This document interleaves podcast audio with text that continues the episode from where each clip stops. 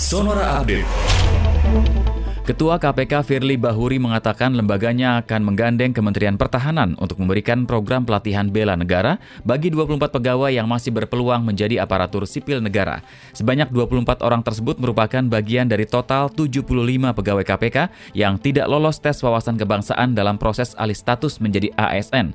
Keputusan KPK bersama sejumlah kementerian dan lembaga sebelumnya menyatakan 24 orang tersebut masih bisa bekerja di lembaga anti rasuah tapi dengan syarat pembinaan terlebih terlebih dahulu. Pemerintah terus mempercepat vaksinasi COVID-19 untuk wilayah Jakarta, Bogor, Depok, Tangerang, dan Bekasi. Menteri Kesehatan Budi Gunadi Sadikin mengatakan Presiden Joko Widodo telah menginstruksikan kawasan Jabodetabek harus menjadi prioritas dalam pelaksanaan vaksinasi COVID-19. Budi menuturkan pihaknya saat ini tengah menyusun skala prioritas agar pelaksanaan vaksinasi di wilayah Jabodetabek bisa dipercepat. Organisasi Kesehatan Dunia pada Selasa kemarin mengurangi jumlah varian Delta Corona yang pertama kali menyebar di India dan dianggap mengkhawatirkan menjadi tinggal satu jenis saja. Sementara dua jenis varian Delta Corona lainnya dengan status mengkhawatirkan sudah diturunkan.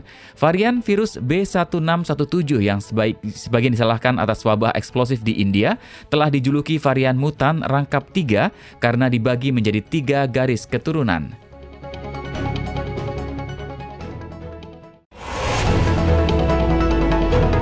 Demikian Sonora Update.